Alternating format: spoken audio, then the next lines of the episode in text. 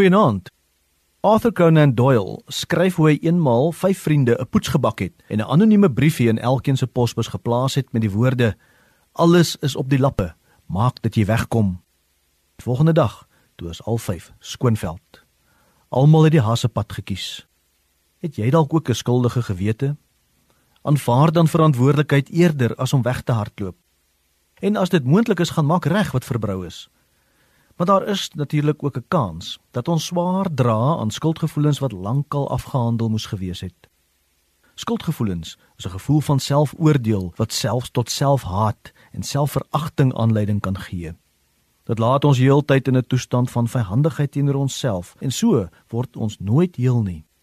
Ons regverdig ons woede teenoor onsself en ons selfbeeld bereik 'n nuwe laagtepunt en ons voel mismoedig en neerslagtig, leeg en hol want ons het geen innerlike vrede nie. Dis daardie skuldgevoelens wat ons gevange hou. Dit kan ons self siek maak. Dit beïnvloed al ons verhoudings, veral die een met myself. Ons hou boek van die kwaad, my eie kwaad. Dit beroof ons van vrede, geluk en vryheid. Dit stroop ons van selfvertroue. Niemand anders ryf sout in ons wonde nie. Ons doen dit sommer self. Maak klaar met die verlede, dan sal die verlede klaarmaak met jou.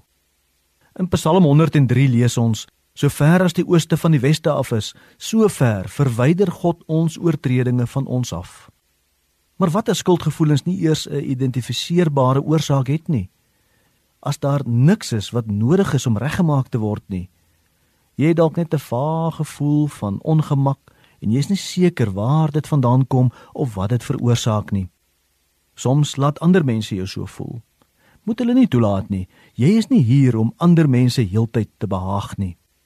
Maar soms is dit nie ander se skuld nie. Jy laat jouself so voel. Jy kastei jouself elke dag daaroor. Om skuldig te voel kan 'n lewenslange las word en dit kan my stroop van alle lewensgenot. Die skrywer van die Hebreërsbrief sê in hoofstuk 9 vers 14 Nadat hy gehandel het met oppervlakkige en uiterlike pogings om te ontkom aan die gevolge van 'n skuldige gewete, hoeveel te meer sal die bloed van Christus ons gewete bevry. Aangesien skuldgevoelens jou in vyandskap met jouself bring, moet jy vrede maak met jouself. Hy is die wit vlag vir jouself.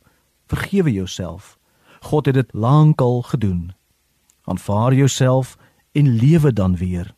Lewe vry en in vrede en uiteindelik tevrede. Here, dankie vir vryheid, vrede en tevredenheid wat alle verstand te bowe gaan. Amen.